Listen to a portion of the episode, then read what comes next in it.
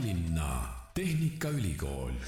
tere sulle, hea kuulaja, eetris on kolmanda hooaja värske TalTechi podcasti episood. mina olen saatejuht Kristjan Hirmu ja täna võõrustan Delfi tasku stuudios külalist, kelleks on TalTechi inseneriteaduskonna õppekava tootearendus ja robootika programmijuht Raivo Sell. tere, Raivo! tere, tere! inseneriteaduskonnas selline kahest osast või kahest poolest koosnev õppekava. räägime täna sellest tootearendus ja robootika, ütleks nii, et, et on võib-olla kaks natukene teineteisest eemal seisvat ala või terminit. kuidas sa ise seda kommenteerid? no tegelikult äh, võib-olla algul jah, paistab, et on tegemist nagu suhteliselt erinevate aladega, aga, aga tegelikult on nad väga tihedalt seotud. et tootearendus on selline üldine äh, kuidas üldse uusi tooteid arendada, et see ei ole võib-olla oluline, milline see toode täpselt on, nagu kuna me oleme inseneriteaduskond, me oleme välja kasvanud äh, mehaanika endisest teaduskonnast selle õppekava kontekstis. Ja, ja meie tootearendus on siis suunatud ikkagi siis sellistele tehnilistele masinaehituslikele, aparaadiehituslikele lahendustele. Ja robootika on siis äh, tänapäeval selline ütleme, üks kõige kiiremini, kiiremini arenev valdkond ehk siis paljud ähm, tehnilised seadmed ongi robootilised seadmed, ehk nad on nutikad, seal on tarkust, seal on elektroonikat ja noh, alati ka mingit mehaanikat. ja nüüd, kui vaadata need kaks asja kokku, siis robootika spetsialiseerumine, sel samal õppekaval meil ongi kaks spetsialiseerumist, üks on tootearendus- ja tootmistehnika ja teine on robootika. Ja nüüd robootika tegelebki siis nende seadmetega, nutikate seadmetega tööstusele äh,, igadel muudel valdkondadel, ka meditsiinile ja tootearendus teiselt poolt, äh, sealhulgas siis tootmistehnika, tegeleb selle protsessiga ehk kuidas selliseid tooteid arendada. ehk üks on mõnes mõttes toode ja teine on protsess, kuidas seda teha. no sa ise oled ka robootikaprofessor, väga kõrge tiitliga külaline mul täna siin TalTechi podcastis. Äh, kuidas sina üldse selle valdkonna juurde jõudsid? No eks see valdkond on jah, see robootika on arenenud äh, välja siis äh, erinevat, erinevat moodi tegelikult, et äh, noh, siin on kokku saanud siis IT ja, ja mehaanika algselt noh, ja sealhulgas siis elektroonika. ja kunagi, kui mina õppisin üheksakümnendatel Tehnikaülikoolis, siis oligi masinate ja aparaatide projekteerimine ehk masinad ja aparaadid, noh, tänapäeva aparaadid, võime tihti öelda, ongi sellised robottehnilised seadmed, kui nad on kaasaegsed, nii et, et loogiliselt see Äh, areng sinnamaani jõudis ja noh, oluline osa on just sellel IT-l, ehk siis kui, kui sa tegeled, ütleme, õpid mehaanika, aga endal on huvi IT-ga, siis äh, IT osas siis väga hästi lähevad need asjad kokku.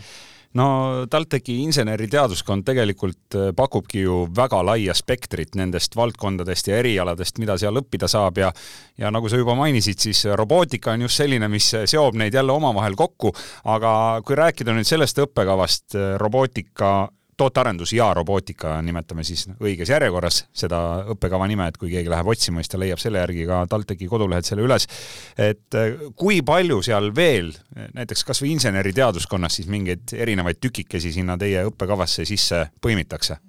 No inseneriteaduskond on Tehnikaülikooli kõige suurem teaduskond. Ja see on loodud siis kunagiste mehaanika,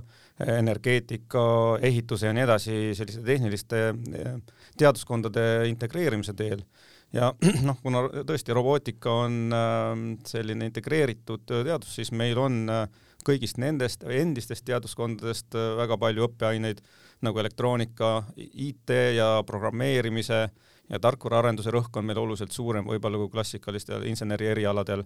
ja, ja seetõttu me võtame, meil ongi ained ka IT-teaduskonnast, nii et ta on väga integreeritud õppekava.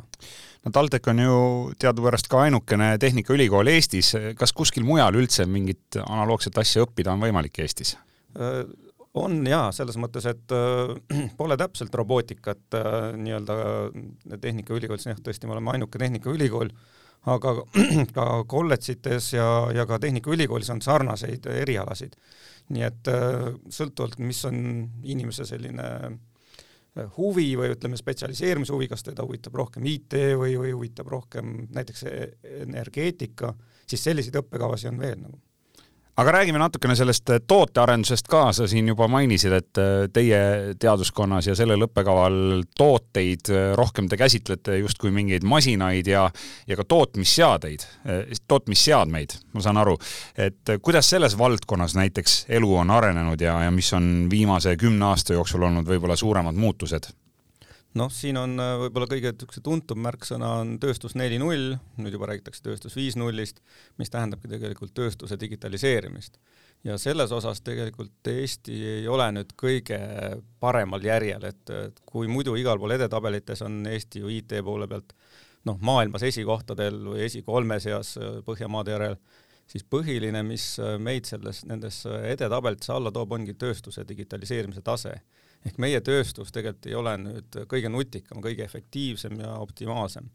et, et siin on nagu suur töö veel teha ja seesama tootearenduse robootikainseneril on siin suur roll ehk siis meie selline töötlev tööstus peaks olema palju robotiseeritum. ehk siis äh, need on need masinad, mis teevad inimese eest töö ära? Äh, mis teevad inimese eest töö ära, aga noh, kõik sellised ähm, keerukamad operatsioonid võib-olla, mis ka inimestele ütleme, kvaliteedi mõttes on keerulised, näiteks täppis keevitamine, et äh, loomulikult meil võivad olla väga kõvad spetsialistid, aga robot teeb seda väga kiiresti ja noh, tänapäeva andurid on nii täpsed, et inimesel on raske seal võistelda. aga just see, et tõsta seda tootmise efektiivsust, et meil oleks äh, nutikamad tooted, meil oleks nagu ütleme, konkurentsivõimelisemad tooted, mitte ei ole selline äh, must allhanketöö, mida on palju kirutud Eesti pool, siis selleks lihtsalt ei ole pääsu, tuleb robotiseerida. no keevitamise sa tõid juba välja, aga äkki nimetad veel mõne valdkonna, kus Eestis saaks seda olukorda parandada just läbi siis nutika tootmise või, või uute, uute ägedate tootmisseadmete kaudu? noh, kui me vaatame sellist klassikalist tööstust, siis mööblitööstus, puidutööstus, kõik, kus kasutatakse nii-öelda automatiseeritud tootmisliine, ka toiduainete tööstus, et siin on tegelikult palju protsesse käimas, et meil endal on näiteks äh, üks projekt äh, siin äh, Tallinnas, mis on Selveri köök, mis teeb nii-öelda kõiki kartulisalateid ja muid asju, kuidas siis seal teha tootmine nutikamaks niimoodi, et transpordiga tegeleb robot seal on väga palju kaste vaja, tühja taarat, valmistoodangut transportida ühest kohast teise, inimesed jooksevad mööda koridori, niisugune vilgas askeldamine käib, aga tegelikult võiks selle töö üle võtta ju robotid, kes suudavad samamoodi ringi liikuda koridorides ja viia siis nii-öelda tühja taarat ette nendele tootmisliinidele, valmistoodang vastu võtta, viia see jälle tagasi lad-, ladustamisele ja nii edasi. nii et selliseid näiteid on tegelikult hästi palju, kus sisuliselt sellist rutiinset tööd tegevad inimesed saaks asendada robotiga ja see tõstab siis tegelikult nii-öelda konkurentsivõimet, tööstuse efektiivsust sealhulgas tegelikult ka energiakasutust tõenäoliselt, et me saame seal kokku hoida. no robot võib-olla sellisele tavakuulajale kangastubki niisuguse kahel jalal kõndiva ja, ja vilkuvate silmadega tegelasena, kes siis tegelikult on nii-öelda siis humanoidrobot, eks ju, selline inimese jäljendamine masina abil, aga aga tõepoolest, nagu sa mainisid, siis roboteid me täna kohtame ju oma elus igal sammul, alustades kodusest majapidamisest, robot-tolmuimejad, robot-muruniidukid, mis roboteid inimestel kodus veel võib olla? Jah, aknapesurobotid, vihmaveereni puhastusrobotid, basseini puhastusrobotid. Kuni, kuni siis meie igapäevaste toiminguteni välja, et, et eks siin ütleme nii, et seda automatiseerimist ja ja tehnoloogilist läbimurret me kohtame igal sammul. mina nimetaks isegi näiteks pakiautomaati justkui robotiks, noh, ta küll ei liigu ja, ja ei toimeta inimesele pakke kätte, aga seal toimub siis see protsess samamoodi ju masina abil ja, ja seal on IT-d ja seal on mehaanikat, et tegelikult see valdkond on vist ikka väga jõudsalt arenenud viimaste aastakümnete jooksul jah, ta tungib igale poole ja, ja noh, paljud on kohad, mida me ise võib-olla tavakodanikena ei näe isegi, kus on see robotiseeritus just eriti kõrge. aga selles mõttes on jah õigus, et see termin ise, see robot on ka suhteliselt keeruline, et kui võib tunduda lihtne, siis inimestel on väga erinev arusaam, mis asi robot üldse on ja kui me näiteks mõnikord räägime tööstusinimestega, siis nende jaoks on robot selline manipulaator tüüpi, mis tõstab asju ühest kohast teise või keevitab ja nii edasi tavainimese jaoks on tihti jah, filmides tuntud selline humanoid, kes on rohkem võib-olla niisugune tihti paha tegelane, et, et kes tahab kõik maha tappa. võtame keegi kolmanda tõesti, kes mõtleb robotite all nagu tolmuimejad, muruniitjad ja sellised ja noh, kaks inimest võivad omavahel rääkida robotitest ja üks räägib nagu aiast, teine aiaaugust, et, et et jah, ma ise ka nagu just alustame sissejuhatuse erialasse oma õppekaval esimesel semestril, siis selgitame, mis asi see robot täpselt nagu on ja kuidas me seda mõistame. Et äh, visuaalselt võib olla noh, mõni palju niisugune roboti moodi välja näha, mis tegelikult ei ole robot ja teine asi, mis visuaalselt ei meenuta absoluutselt robotit, võib tegelikult olla täiesti robotiseeritud süsteem, et näiteks hea näide on, võtame näiteks pesumasina tänapäevase, kus on tõesti tark, kaalub pesu, mõõdab veekogust, temperatuure, valib vastavad programmid, tegelikult robotiseeritud süsteem. Teine võib-olla mingi laste mänguasi, kus puldiga saad juhtida sellist robotkätt või, või tõesti niisugust liikuvat robotit, mis näebki välja nagu robot tegelikult ei ole robot, sest seal ei ole mitte mingisugust tarkust, sa lihtsalt kaugjuhitav äh, seadeldis või, või siis ka juhtme abil juhitav, et mitte mingisugust äh, programmi või tark, tarkust või andurit selles ei ole, kuigi näeb välja täpselt nagu robot, nii et see teeb asja päris keeruliseks. no vot, äh, sinu juttu kuulates mulle meenus kohe, et ma käisin siin oli see, oli see siin umbes pool aastakest tagasi, kui Saku Suurhallis toimus Robotex, suur robotite festival ja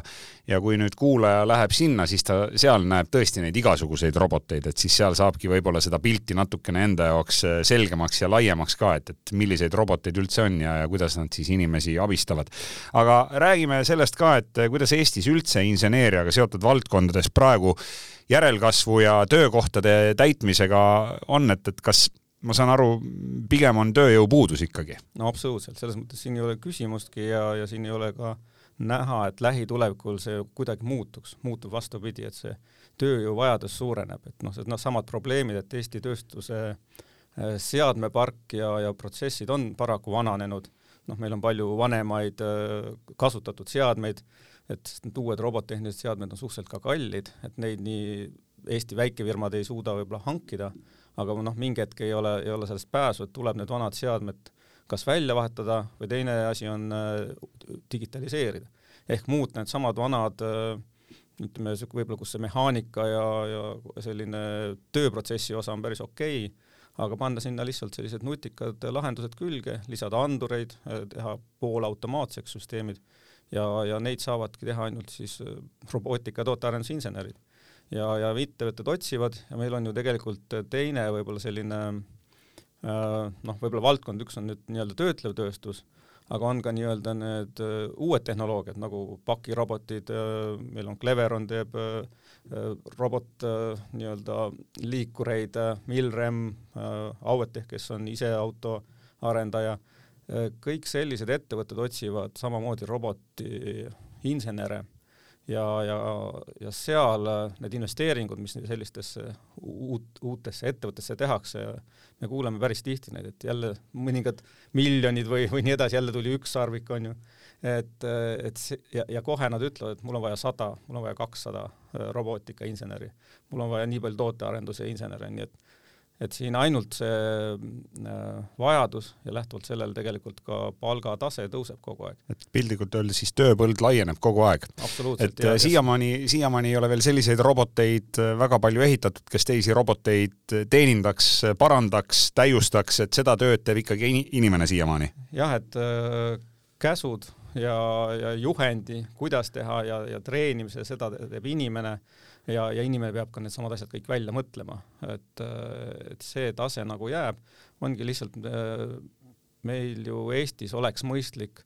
panustada oma väikese rahvaarvuga sinna, et me teeme sellist kvali-, kvalifitseeritud tööd, kõrgetasemelist tööd, mis on hästi tasustatud ja sellise lihtsa töö jätame siis robotitele või noh, kui meil tulevad siia samamoodi mujalt riikidest äh, õnneotsijad, siis äh, ma arvan, seal on kah tööd küll ja veel. Äh, tahtsin veel küsida lihtsalt, et kas ma saan sinu jutust aru ka näiteks sellist asja, et kui ma olen võib-olla selline väike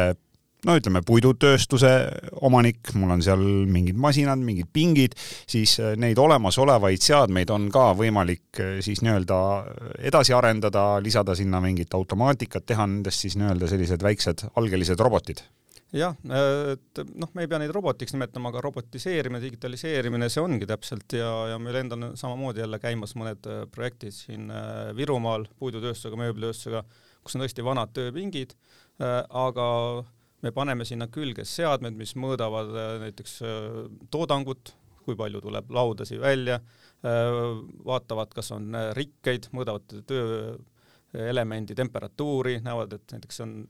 ka ennetav hooldus, et vot see tööriist hakkab kuluma, tasub ära vahetada, mitte et tekitada seisak, mis paneb võib-olla põntsu kogu protsessile.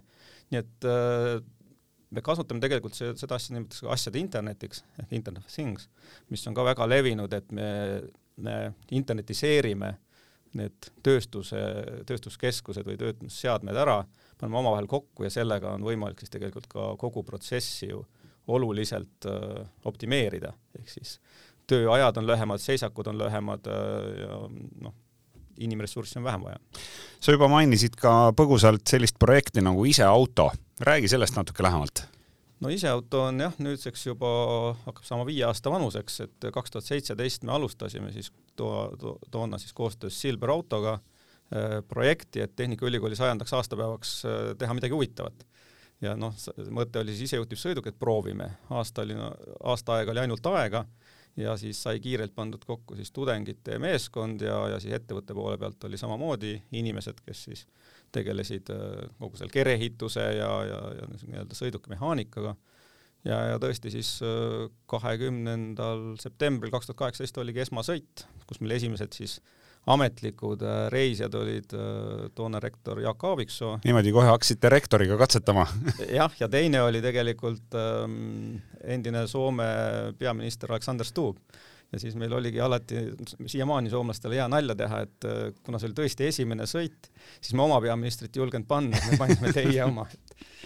aga, aga see tuli väga hästi, eks. aga kui kaugele see iseauto projekt nüüd on jõudnud või kuhu see on viinud või, või milliseid uusi uksi avanud või mis, mis see, mis selle asja resultaat on? see mõju on tegelikult olnud päris suur, et, et praeguseks hetkeks on sellest projektist siis kasvanud välja eraldi ettevõte, mis on siis Silver Auto järglane, noh, Silver Auto siis on äh, tegelikult ju noh, oma põhitegevuse siis müüs soomlastele maha ja siis äh,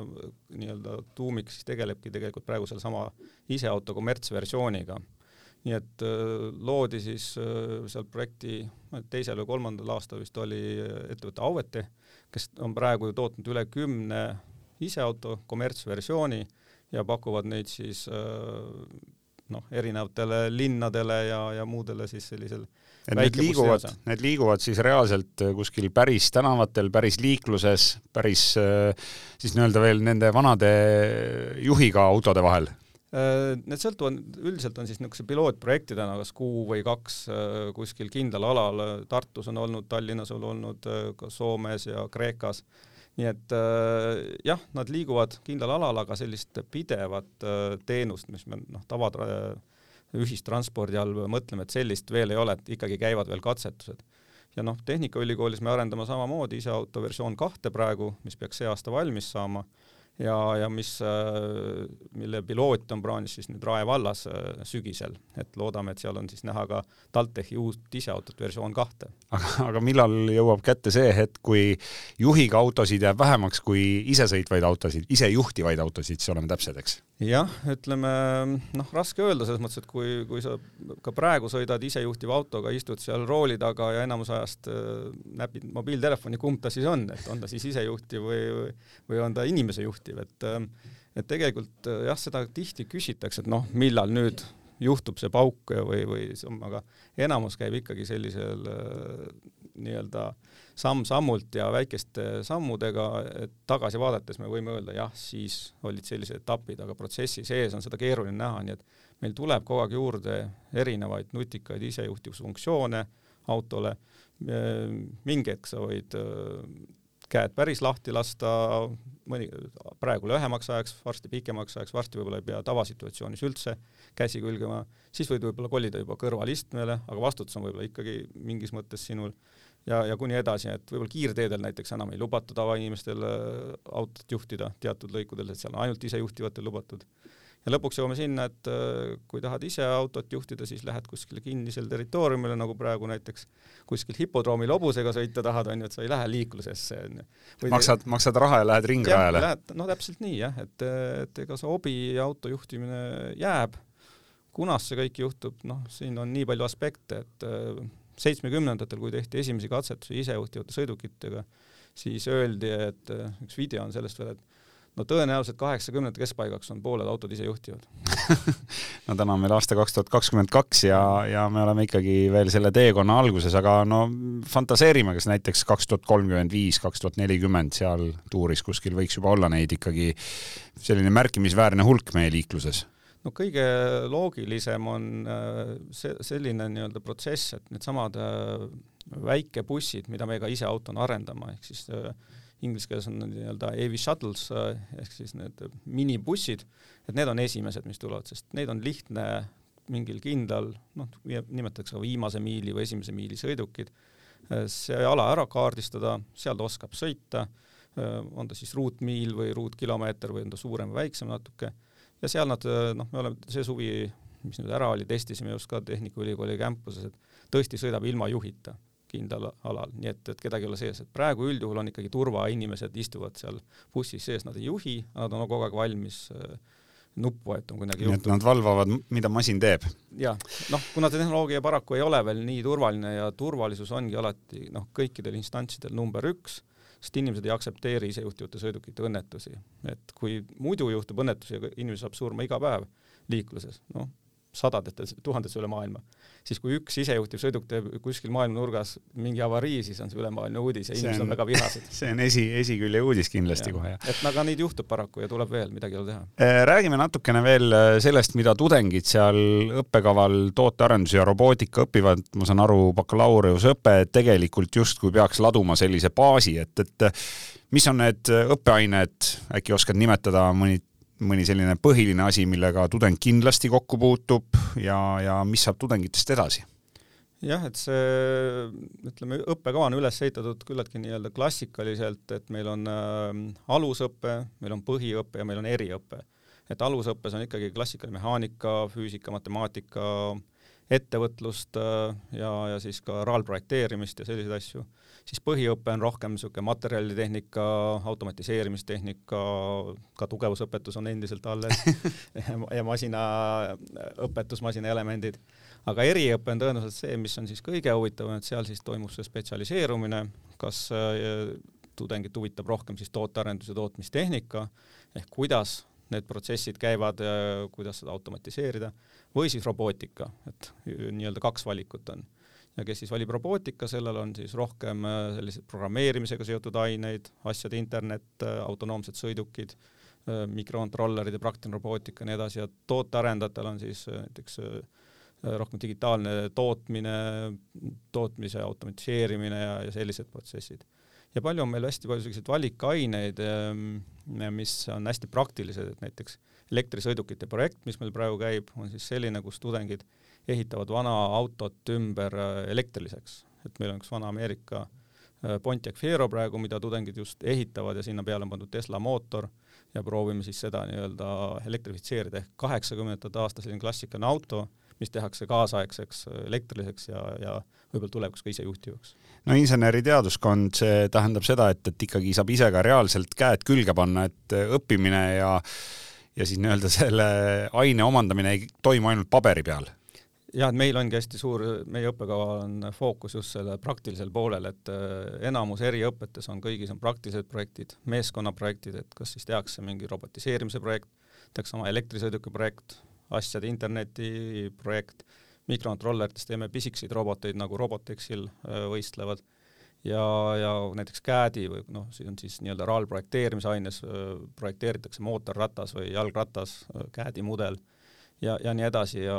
ja võib-olla mis on ka niisugune oluline, et, et seesama õppekava tootearendus robootika on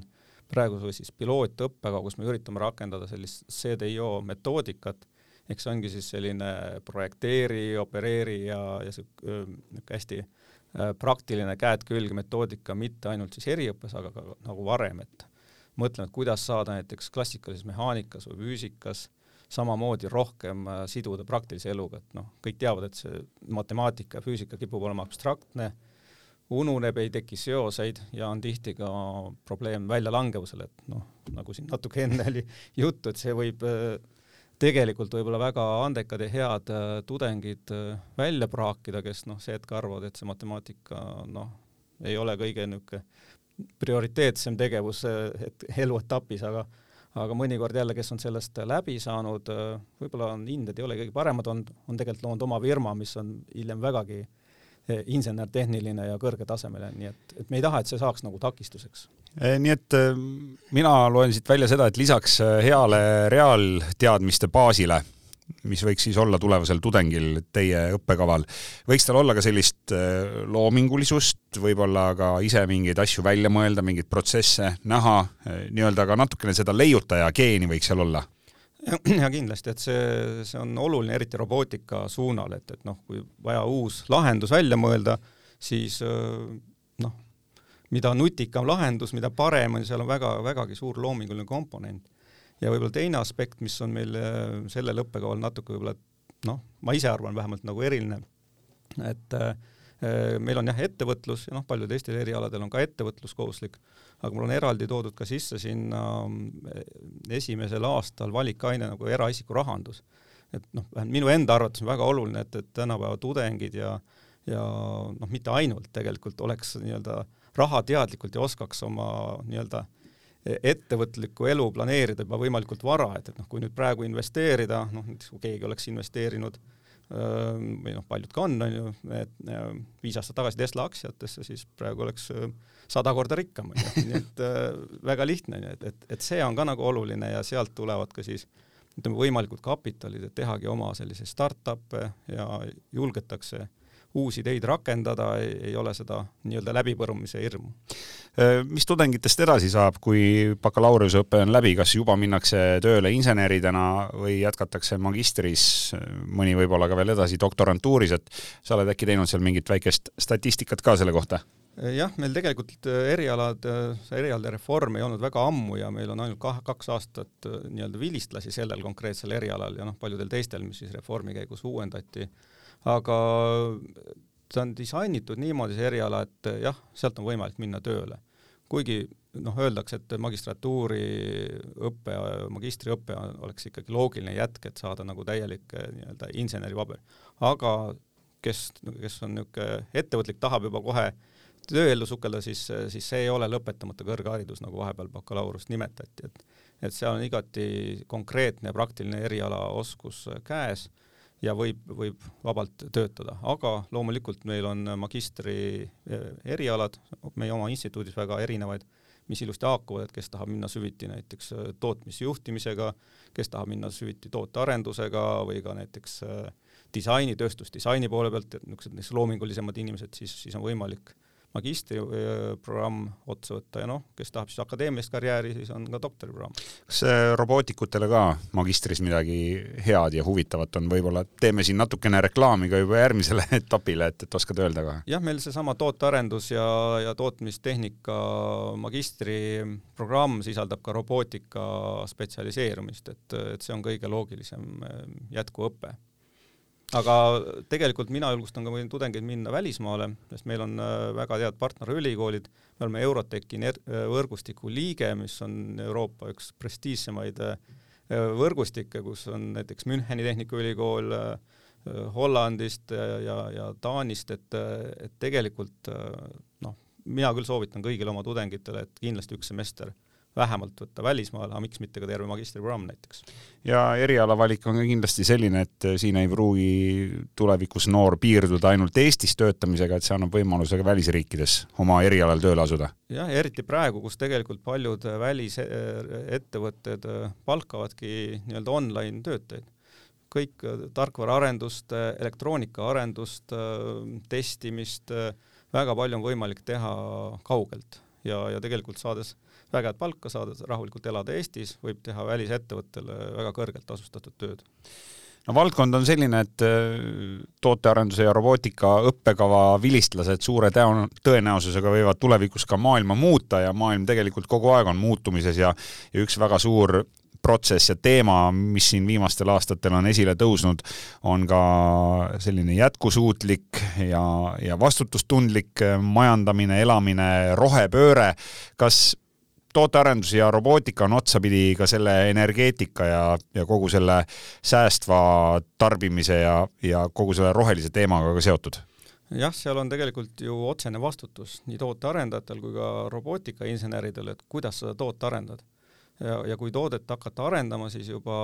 varajases tootearendusfaasis tuleb mõelda energia tarbimine, tuleb mõelda materjalide kasutusele, et need oleks taaskasutatavad materjalid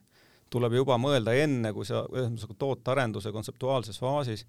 äh, kuidas ma utiliseerin seda, et palju jääb äh, jääke seal, mida ma kasutan, kas sealt on näiteks, tekib mingit ümbertöötlemata plastijääke või Millised, tuleb sealt väärismetalle näiteks? täpselt, ja, ja kust need üldse tulevad, kas need tulevad Venemaalt, on ju, kas on ainuke koht, kus neid saada või on mingi muu? Ja, ja, ja palju ta üldse energiat tarbib, et, et kas ma saan teha oma toote niimoodi, et ta tarbiks energiat vähem kui näiteks praegu analoogsed tooted või kasutab ta otse kuidagi taaskasutatavaid energiaallikaid, et saame kuskil väikse päikesepaneelikese panna peale, noh, näiteks hea näide on võib-olla siin üks Eesti ettevõte Berkman Technologies, kes teeb neid nutikaid äh, liiklusmärke, nutikaid bussipeatuseid, mida me ka Tehnikaülikoolis testime, siis tootearendusinsener mõtleb välja, oh, paneme siia päikesepaneeli peale, siis äh, üheksakümmend protsenti energiatarbest toodetakse märgis endas, on ju, et noh, sellised lihtsad näited, aga need otsused tuleb teha juba väga varajases tootearendusfaasis, sest vastasel korral noh, läheb see ümbertegemine väga kalliks. Mis on üleüldse sellised järgmised suured sammud selles valdkonnas, võtame robootika või ka seesama tootearendus, et, et mis suunas ma ei tea, teadlased või insenerid praegu mõtlevad ja töötavad ja, ja mis võiks olla selline next big thing? no ütleme, ega selliseid jälle niisuguseid väga suuri hüppeid äh, üldjuhul ei toimu, et noh, neid me võime tagantjärgi nagu omistada, aga, aga see valdkond areneb hästi kiiresti erinevates suundades ja, ja noh, ütleme, mis äh, võib-olla märksõnad on needsamad tööstus neli null ja tööstus viis null, mida siis nüüd mõeldakse. Äh, võib-olla mõned märksõnad on, äh, mis noh, mis on praegu nagu arenduses, mis tõenäoliselt hakkavad suurenema, et noh, robootikas koostöörobootika, kus siis inimene ja robot töötavad käsikäes, et praegu on rohkem niimoodi, eriti tööstuses, et see robot on eraldatud aiaga ja, ja noh, eriti nüüd näiteks autotööstuses, kui te mõtlete, mitme tonniseid tükke tohutu kiirusega liigutatakse, et, et kui inimene sinna vahele satub, siis robot ei saanud arugi, et, et seal et seal keegi, keegi oli. keegi oli, et, see ei mõjutada üldse, aga just need koostöörobotid, näiteks meil on liin, inimene teeb mingit operatsiooni, annab edasi robotile, robot võtab vastu selle, teeb oma operatsiooni, annab edasi teisele robotile või teisele inimesele ja kui nii-öelda üksteist, ühesõnaga need töötsoonid ristuvad ja kui inimene läheb või robot läheb inimesele vastu, siis ta saab sellest aru, ta, ta ei lükka jõuga teda, vaid, vaid noh, nii nagu inimesed omavahel, et, et suudavad siis teisega arvestada. et, et see on selline noh, üks, üks väike niisugune valdkond, aga kõik äh, ühenduvus, just see, et, et need robotid on ühendatud nii-öelda nagu asjade interneti kaudu suurde protsessi läbi äh, erinevate, noh, on ta siis internet või muude kommunikatsioonikanalite, et asjad kõik on omavahel seotud et kõik siin. Ja kindlasti noh, see roheenergeetika ja, ja jätkusuutlikkus, et, et sellest ei saa üle ega ümber, et need, need asjad tuleb juba algusest peale arendada niimoodi, et, et meil ei teki tõesti selliseid jäätmeid ja, ja, ja me oleme energiakasutuses äh, efektiivsed. No mulle kohe tuli veel meelde, sa siin juba korra mainisid, kuidas näiteks Selveri köögis robotid toimetavad, et äkki siis võib-olla ka toidu valmistamise protsessi enda juures me tulevikus võime kohata roboteid, et sul on noh, ma ei tea, kas siis kuskil suurköögis või, või kodus äh, mingi robot, kes nii-öelda saab saab kõik toiduained ja, ja sellest äh, lõpuks äh, roboti ja inimese koostöös valmib mingi maitsev roog no,. absoluutselt, et neid tegelikult minu arust Eestis on üks startup, kes näiteks kohvi valmistab või teeb või siis nii-öelda baarirobot, kes segab jooke ja annab kätte aga noh, kui me natuke võime edasi mõelda, et meil on võib-olla ettevõte, noh näiteks sama Selveri köök ehk siis kulinaaria, kes toodab nii-öelda sealt, seal robot teeb valmis, annab Cleveroni suurele robotile üle, see viib kuskile majade juurde, sealt võtab Starshipi pakirobot, viib selle inimese tagatupp, taga nii-öelda sisse, seal võtab köögirobot vastu, teeb söögi valmis ja inimene võib-olla siis peab sööma, kui, ka robotitele üle ei anta. inimestel ei jää siis midagi muud üle, kui ainult õppida ja õppida, et saada veel targemaks, sellepärast et vaba aega tekib nii palju juurde. jah, ja, ja, ja tegelikult äh, õpetada siis neid roboteid, sest noh, see, see on nagu see, mis on roll, et äh, ikkagi arendada roboteid äh, nutikamaks, paremaks ja samamoodi ohutumaks, et see ohutus on kindlasti oluline, et et ei tekiks siis sellist filmistsenaariumi, et meil on nagu niisugused kontrollimatud robotid, et see kontroll peab jääma inimesele, aga see on see, et ta jääks inimesele, on inimese enda käes. ja kui ta laseb seal äh, nii-öelda oma tarkuse nii-öelda noh, lõdvaks, et ah, küll keegi selle eest hoolitseb, võib-olla las seal Hiinas, las nemad teevad kõik valmis, mina siin tarbin ainult, siis, siis mingi hetk me olemegi niisugused rumalad tarbijad, kes, kellel tegelikult äh, kontrolli äh, samade robotite üle enam ei olegi ja siis me olemegi tegelikult nagu ohustatud, et kindlasti seesama, see õppimine on, ongi võtmeküsimus. Äh, Raivo, mida sa soovitaksid noorele, kes praegu alles otsustab, et, et mida õppima hakata ja ja kui ta ei oska erinevate valdkondade või õppekavade vahel valida, siis kuidas tunda ära see õige asi, millega üldse tegelema hakata? Noh, eriti kui nüüd mõelda minu erialalt, tootes robootika, siis ähm, ta on integreeritud valdkond, ehk siis kui sa selle õppekava läbid, siis tegelikult on sul valik endiselt alles. sa võid süviti näiteks elektroonikat, võid vaadata robootikat, võid IT-sse minna ja nii edasi, nii et, et tegelikult see valik ei ole lõppenud, kui sa nii-öelda selle eriala valid. teiselt poolt ma tahan öelda, et kindlasti peaks olema huvi ja, ja motivatsioon tehnikavaldkonna vastu, et, et kindlasti ma ei soovita tulla inimesel, kes, kes pigem mõtleb, majandus või, või, või mingi muu, et et ah, ma niisama proovin, et, tehti nii head reklaami, et lähen et, siis juhtub ikkagi see, et, et esimene semester on paraku kõige raskem, et meil on füüsika, meil on matemaatika ja siis vaadatakse, et ei, ei, ei, et, et see on ikka liiga raske, et ja siis on, inimene langeb välja, on raisanud aasta enda elust, on raisanud ülikoolist, et mõelda läbi, et kas mu sisemine kirg ja huvi on tehnikavaldkonna vastu ja siis leida see motivatsioon, et ma tõesti võtan kätte ja ma teen vähemalt esimese aasta kindlasti ära, et ei anna alla esimese aasta lõpus. ja siis peale seda läheb lihtsamaks ja tegelikult on äh, väga palju teid endiselt valla, et on võimalik hiljem spetsialiseeruda kas magistratuuris või, või ettevõtluses. et, äh, et mina soovitaks sellist äh, mõttetööd natuke teha. nii et sinu erialale tulijatel mingisugune tehnika huvi võiks olla ja reaalteadmistes võiks olla ka selline tugevam baas? Jah, kindlasti kõige tähtsam motivatsioon, huvi ja motivatsioon. kui võib-olla näiteks matemaatika oligi kehv äh, keskkoolis, võib-olla õpetaja süüdi hoopis või, või mis muud tegurid, et see ilmtingimata ei tähenda, et äh, ei saa hakkama. meil on matemaatika, füüsika järeleaitamiskursused, võimalik esimene semester paralleelselt võtta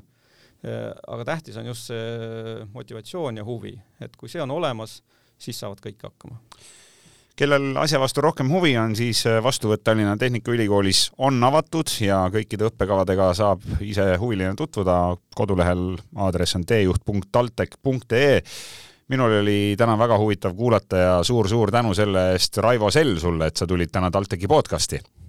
ja aitäh ja ma võib-olla julgustaks veel lõpetuseks ka tüdrukuid meile kandideerima, et meil on tüdrukuid, aga võiks rohkem olla. no tean, et isegi iseauto ja Auvetechi juures on päris mitmeid just. tublisid, tublisid tüdrukuid, kes seal toimetavad ja ja järelkasvu ma tean, et äh, pakutakse siin päris mitmes tüdrukutele spetsiaalselt mõeldud tehnoloogiaringis, mis siin kooliastmetes ka toimetavad, nii et võib-olla sealt tulevikus Tehnikaülikoolis saab endale uusi tublisid tudengeid juurde. ja tihti saavad tüdrukud tegelikult paremini hakkama kui poisid, sest poisid mõtlevad, oi, ma olen kõva mees küll, onju, ja ma ei pea loengutes käima, tüdrukud on kohusetundlikumad ja lõpuks on äh, palju asjalikumad